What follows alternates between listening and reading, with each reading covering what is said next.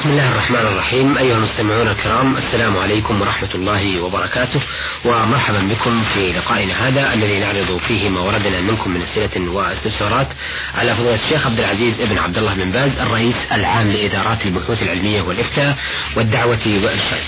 آه، فضيلة الشيخ عبد العزيز آه، كنا في لقاء ماض قد استعرضنا آه، رسالة وردتنا من المستمع فلاح السويد قرية الكوز محافظة الحسكة منطقة المالكية وبقي له بعض الاستفسارات والأسئلة التي يمكن أن تغطي حلقة كاملة. آه، يقول الشيخ عبد العزيز في الاستفسار الأول نسألكم عن مولد النبي الأعظم صلى الله عليه وسلم. هل هو بدعة؟ وإني قد سمعت في بعض البلدان ومن بعض العلماء يقولون إنها بدعة حسنة. والله أعلم وفقكم الله. بسم الله الرحمن الرحيم. الحمد لله رب العالمين والصلاة والسلام على عبده ورسوله وخليله وأمينه على وحيه. نبينا وإمامنا محمد بن عبد الله وعلى آله وأصحابه ومن اهتدى بهداه. أما بعد الاحتفال بالموالد إنما حدث في القرون المتأخرة بعد القرون المفضلة بعد القرن الأول والثاني والثالث. وهو من البدع التي أحدثها بعض الناس استحسانا وظنا منه أنها طيبة. والصحيح والحق الذي عليه محققون من أهل العلم أنها بدعة. احتفالات الموالد كلها بدعة. ومن جملة ذلك الاحتفال بالمولد النبوي. ولماذا؟ لأن الرسول صلى الله عليه وسلم لم يفعله. ولا أصحابه ولا خلفاؤه الراشدون ولا القرون المفضلة كلها لم تفعل هذا الشيء. وكانوا في اتباعهم. لا فيما أحدثه الناس بعدهم. وقد ثبت عنه عليه الصلاة والسلام أنه قال إياكم ومحدثات الأمور. وقال عليه الصلاة والسلام وشر الأمور محدثاتها وكل بدعة ضلالة. وقال عليه الصلاة والسلام من أحدث في أمرنا هذا ما ليس منه رد. من عمل عملا ليس عليه أمر فهو رد هي مردود. فالنبي صلى الله عليه وسلم وضح الأمر وبين أن الحوادث في الدين منكرة وأنه ليس لأحد يحدث في الدين ما لم به الله. وذم الله تعالى هذا بقوله سبحانه أم لهم شركاء؟ شرعوا لهم من الدين ما لم يأذن به الله. والاحتفال أمر محدث لم يأذن به الله ولا رسوله عليه الصلاة والسلام. والصحابة أفضل الناس بعد الأنبياء وأحب الناس للنبي صلى الله عليه وسلم. وأسرع الناس إلى كل خير ولم يفعلوا هذا. لا لا أبو بكر ولا عمر ولا عثمان ولا علي ولا بقية العشرة ولا بقية الصحابة. وهكذا التابعون وأتباع التابعين ما فعلوا هذا. وإنما حدث من بعض الشيعة الفاطميين في مصر في المئة الرابعة كما ذكر هذا بعض المؤرخين. ثم حدث في المئة السادسة في آخرها وفي أول السابعة بملك الإبل ظن أن هذا طيب ففعل ذلك. والحق أنه بدعة. لأنها عبادة لم يشرعها الله سبحانه وتعالى. والرسول صلى الله عليه وسلم قد بلغ البلاغ المبين ولم يكتم ما شيئا شيئا مما شرعه الله بل بلغ كل ما شرعه الله وأمر به. وقال الله سبحانه اليوم أكملت لكم دينكم. فالله قال أكمل الدين وأتمه وليس في ذلك الدين الذي أكمله الله الاحتفال بالموالد. فعلم بهذا أنها بدعة منكرة لا حسنة. وليس في الدين بدعه بدعه حسنة. بل كل البدع ضلالة كلها منكرة. النبي عليه السلام قال كل بدعة ضلالة.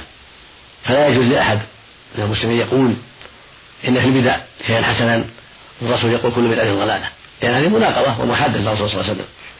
وثبت عنه أنه قال كل بدعة ضلالة. فلا يجوز لنا أن نقول خلاف قوله عليه الصلاة والسلام. وما يظنه بعض الناس أنه بدعة وما جاء به الشرع ليس بدعة. مثل كتابة المصاحف مثل التراويح ليست بدعة. كل هذه مشروعة. فتسمية بدعة لا, لا أصل لذلك. وأما ما يروى عن عمر قال في في تراويح بدعة نعمة البدعة فالمراد بهذا من جهة اللغة. لا ليس من جهة الدين. نعم. ثم قول عمر لا يناقض ما قاله الرسول صلى الله عليه وسلم ولا يخالفه. الرسول مقدم عليه الصلاة والسلام لأنه قال كل بدعة ضلالة. قال وإياكم محدثات الأمور. وقال صلى الله عليه وسلم في خطبة الجمعة أما بعد فإن خير حديث كتاب الله وخير هدي هدي محمد صلى الله عليه وسلم وشر الأمور محدثاتها. وكل بدعة ضلالة هذا حكمه عليه الصلاة والسلام رواه مسلم الصحيح. فلا يجوز للمسلم أن يخالف ما شرع الله ولا أن يعاند ما جاء به نبي الله عليه الصلاة والسلام بل يجب عليه الخضوع لشرع الله. والكف عما نهى الله عنه من البدع والمعاصي. صدق الله جميع الهداية. نعم. أه سؤال فلاح السويد من قرية الكوز. التالي طويل ومتشعب أيضا لكن لا بد من قراءته. يقول فيه أسألكم عن زيارة قبور الصالحين وتقبيل الحجر أي النصايب. هل هذا يجوز أم لا؟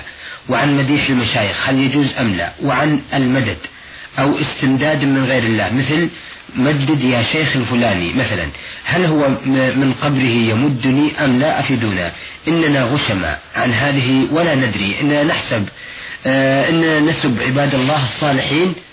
آه يقول أحد الناس إن من عباد الله الصالحين يغني قسم من هذه الدنيا بكلمة واحدة. هل هذا يجوز القول أم لا؟ حرام. اجعل آه تجعلون لله آه، تج... نرجو أن تجعلونا لله نهتدي إلى الخير بمشيئة الله. أين السؤال يقول في سؤاله نأخذه نقطة نقطة نعم. يقول في سؤاله نسألكم عن زيارة قبور الصالحين وتقبيل الحجر أي النصايب هل هذا يجوز أم لا؟ زيارة القبور للصالحين للمسلمين أيضا عموما سنة قربة. الرسول صلى الله عليه وسلم أمر بزيارة القبور وحث عليها وقال إنها تذكر الآخرة والزهد في الدنيا وتذكر الموت. قال عليه الصلاة والسلام زوروا القبور فإنها ذكركم الآخرة. وكان يعلم أصحابه عليه الصلاة والسلام إذا زاروا القبور أن يقولوا السلام عليكم أهل الديار من المؤمنين والمسلمين وإنا إن شاء الله بكم لاحقون. نسأل الله لنا ولكم العافية. وفي حديث عائشة يقول رحم الله المستغنين منا والمستأخرين فعلينا معشر المسلمين أن نعلم هذا الحكم ويشرع لنا أن نفعل ذلك أن نزور القبور للذكرى والرغبة في الآخرة والزهد في الدنيا والإحسان للموتى بالدعاء لهم. سيزورهم ليدعو لهم بالمغفرة والرحمة والعافية. وليتذكر الآخرة وأنه صائر لما صاروا إليه من هذا الموت. حتى يستعد للآخرة. أما تقبيل القبور لا لا يقبل النصائب ولا التراب ولا الجدران كان عليها جدران ولا قربان كان هناك قربان كل هذا منكر لا يجوز. نعم. هذا من الغلو. ولا يجوز البناء على القبور. ما يجب أن تكون مكشوفة ليس عليها بناء. واتخاذ القباب عليها من البدع. وهكذا بناء المساجد عليها من البدع التي أنكرها الرسول صلى الله عليه وسلم ونهى عنها. قال لعن الله اليهود والنصارى اتخذوا قبور انبيائهم مساجد. وقال عليه الصلاة والسلام وقال جابر رضي الله عنه نهى النبي صلى الله عليه وسلم أن تجسس القبور والقعود عليها والبناء عليها والكتابة عليها. فليس لأحد يبني على القبور لا قبابا ولا مساجد ولا غير ذلك. وليس له أن يقبلها ولا أن يتبرك بترابها ولا أن يطلب الشيخ المدد كما يأتي. نعم. فلا يجوز يقول يا رسول الله مدد مدد ولا يا فلان. يا شيخ عبد القادر أو يا شيخ البدوي سيد البدوي أو يا الحسن أو يا سيد الحسن أو الحسين أو يا فلان أو يا أبا حنيفة أو يا أبا فلان كل هذا لا يجوز. المدد لا يطلب من الميت يطلب من الله جل وعلا. يا ربي أغثني يا ربي ارحمني يا ربي اشف مريضي يا ربي ارزقني. أما طلب مدد من الموتى فهو من الشرك بالله عز وجل من الشرك الأكبر من عمل الجاهلية. فلا يقبل الحجارة ولا النصائب ولا التراب ولا يأخذ التراب البركه ولا يطلب مدد من المخلوق من الميت. أما الحي الحاضر تقول يا أخي ساعدني بكذا اعني على كذا حي حاضر قال لا بأس. الحي الحاضر قال لا بأس. لكن الميت لا لا تقول المدد المدد ولا تقول اشف مريضي وصلني على عدوي وصلنا على المشركين ما يقول هذا الميت. الميت انقطع عمله وليس له التصرف في الكون بل التصرف لله وحده سبحانه وتعالى. هو المالك لكل شيء هو فوق عباده وهو النافع والضار المعطي المانع. المدبر الكون سبحانه وتعالى. وأما الميت فهو مرتهن بعمله ليس له تصرف. قال النبي صلى الله عليه وسلم إذا مات ابن آدم انقطع عمله إلا من ثلاث. صدقة جارية مثل الأوقات التي وقفت في حياته. أو علم ينتفع به. كتب ألفها أو طلب علمه له أجر ذلك. أو ولد صالح يدعو له. أما كونه يتصرف الكون أو يمد هذا أو يمد هذا أو ينصر هذا هذا منكر لا لا حقيقة له. ولا صحة له. بل الاستغاثة بالأموات والنذر لهم والتقرب إليهم بالذبائح وطلبهم المدد والغوث كل هذا من فعل الجاهلية من عمل الشهر الشرك وهو شرك أكبر. يجب الحذر منه. ويجب عليك أيها السائل أن تبلغ إخوانك الذين يفعلون أن تبلغ من يفعل هذا أن هذا منكر وأنه شرك. يجب ترك ذلك والتوبة إلى الله من ذلك لأن هذا من عمل الجاهلية. نعم. آه، أيضا يقول أجبتم بارك الله فيكم عن طلب المدد من المشايخ لكنه أيضا يسأل عن مديح المشايخ. كذلك المديح. المديح في التفصيل. ترك المديح أولى لأنه قد يسبب غلو قد يسبب الغلو. قد يعجب الممدوح بنفسه فربما أكسبه الكبر والخيلاء.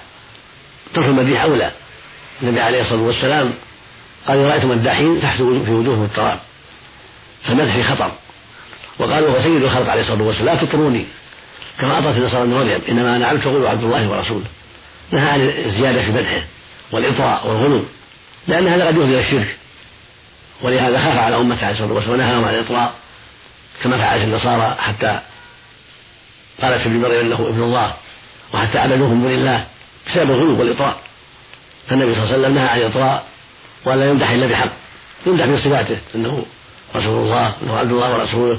أنه الأمين أن الله بعثه رحمة أنه يشفع للناس يوم القيامة أنه سيد الخلق عليه الصلاة والسلام يمدح بما وصفه الله عليه الصلاة والسلام. لكن لا يجوز فيه لأن من دون الله أو استغاث به أو طلب منه مدد أو النصر على الأعداء بعد موته عليه الصلاة والسلام. هذا غلو هذا إطراء منكر. والمشايخ يجب عليهم اتباع النبي صلى الله عليه وسلم في كراهة المدح وألا يتساهلوا في هذا. لأن إطلاق المديح لهم من أتباعهم ومن طلبتهم قد يفضي إلى شر وإلى عجب وإلى خيلاء وكبر. فلا ينبغي للعلماء أن يكرهوا المدح وأن لا يسمحوا لأتباعهم وطلبتهم بالتوسل في هذا. أما المدح قليل شيء قليل الذي التشييع على الخير والتقوية على الخير والتنشيط عليه فلا بأس. قد مدح النبي بعض الصحابة وقال في عمر إنك الفاروق. قال فيه إنك ما سلكت فجا إلا سلك الشيطان فجا غير فجك. علي رضي الله عنه. وقال في ابن عمر إنه رجل صالح. فمدح القليل الذي لا يخشى من الشر لا بأس به للتشجيع على الخير والدعوة إليه. أما التوسع في المديح والإكثار منه فلا فلا ولا تركه ولو كان بحق. لأنه يخشى فيه الفتنة. إذا كان ممدوح حيا يسمع فإنه يخشى عليه الفتنة. نعم. آه، لديه أيضا السؤال الذي يقول فيه آه، يقول لنا أحد الناس بعد أن قال أننا رسما وكذا وكذا يقول يقول لنا أحد الناس إن من عباد الله الصالحين يغني قسم من هذه الدنيا بكلمة واحدة. هل هذا يجوز القول أم لا؟ هذا باطل. نعم. التصرف كل لله وحده. والعبد لا يملك ولو كان أصلح الصالحين ولو كان من الرسل لا يملك التصرف في الكون. ولا إغناء الناس ولا إفقارهم. بل هذا بيد الله سبحانه وتعالى هو اللي يغني جل وعلا. وهو المتصرف في الأمور سبحانه هو مدبر الأمر جل وعلا. هو خالق كل شيء سبحانه وتعالى. إنما أمره إذا أراد شيئا ويكون فيكون سبحانه وتعالى. أما العباد وإن كانوا أصلح الناس فليس لهم تصرف في الكون ولا يملكون تدبير الكون. نعم قد يدعو المؤمن دعوة مباركة فتستجاب له قد يدعو لأخيه أن الله يشفيه فيشفى. قد يدعو له بالمغفرة فيغفر له. هذا من باب استجابة الدعاء بفضل الله سبحانه وتعالى. قد يجيب دعوة المؤمن والمؤمنة لأخيهما فلا بأس هذا وقع لكن ليس لأحد من الصالحين أو غيرهم التصرف في الكون أو تدبير الكون. هذا لله وحده سبحانه وتعالى. وما قد يقع لبعض الصوفية أو غيرهم من اعتقاد هذا في بعض مشايخهم وأنه يقول الشيء فيكون وأنه يدبر الأمور هذا كله غلو كله إطراء زائد وكله كفر وضلال. لا يجوز هذا بل هذا من الكفر بالله سبحانه وتعالى. نعم.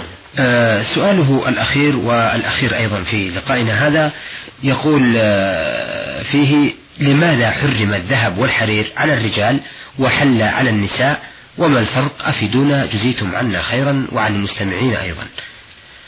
أولا يقول النبي صلى الله عليه وسلم لا تشتروا في هذه الذهب والفضة ولا تأكلوا في صحافها فإن فإنها لهم في الدنيا ولكم في الآخرة يعني كفرة. فكفرة زينتهم الدنيا وهمهم الدنيا فهم أولى بهذا الشيء. أما المؤمن فشأنه أن يعد للآخرة وأن وأن يعمل للآخرة وليس من شأنه المباهاة في الدنيا ولبس الذهب والفضة والحرير ليس من شأنه هذا بل هو حريص على إعداد نفسه للآخرة والقيام بما أوجب الله عليه وترك ما حرم الله عليه وتعاطيه الذهب والفضة لبسا أو أكلا وشربا في أوانيها قد يجره إلى الكبر والخيلاء فيكون ذلك من أسباب دخوله النار. وقد يجره إلى التشبه بأعداء الله في أخلاقهم وصفاتهم ورغبتهم في الدنيا وبعدهم عن الآخرة فيجره ذلك إلى الهلاك. أما النساء في جهة الحلي فلأنهن مطلوب منهن الزينة لأزواجهن حتى يتحببن إلى أزواجهن والذهب زينة والفضة زينة فلهذا أباح الله للنساء حتى يتجملن به للرجال. أما الرجل ليس في حاجة إلى هذا الشيء. ليس في حاجة يتجمل به بل يكفيه اللباس الحسن وخاتم من الفضة فقط ولا حاجة به إلى التجمل لزوجته بالذهب والفضة. وهذا من حكمة الله جل وعلا ورحمته وإحسانه إلى عباده سبحانه وتعالى. نعم. شكرا أثابكم الله. أيها المستمعون الكرام إلى هنا نأتي إلى نهاية لقائنا هذا الذي عرضنا فيه رسالة آه، المستمع فلاح السويد من قرية الكوز محافظة الحسكة منطقة المالكية.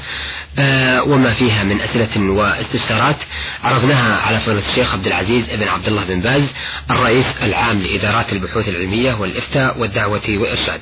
شكرا لفضيلة الشيخ عبد العزيز وشكرا لكم أيها السادة. وإلى أن نلتقي بحضراتكم نستودعكم الله والسلام عليكم ورحمة الله وبركاته.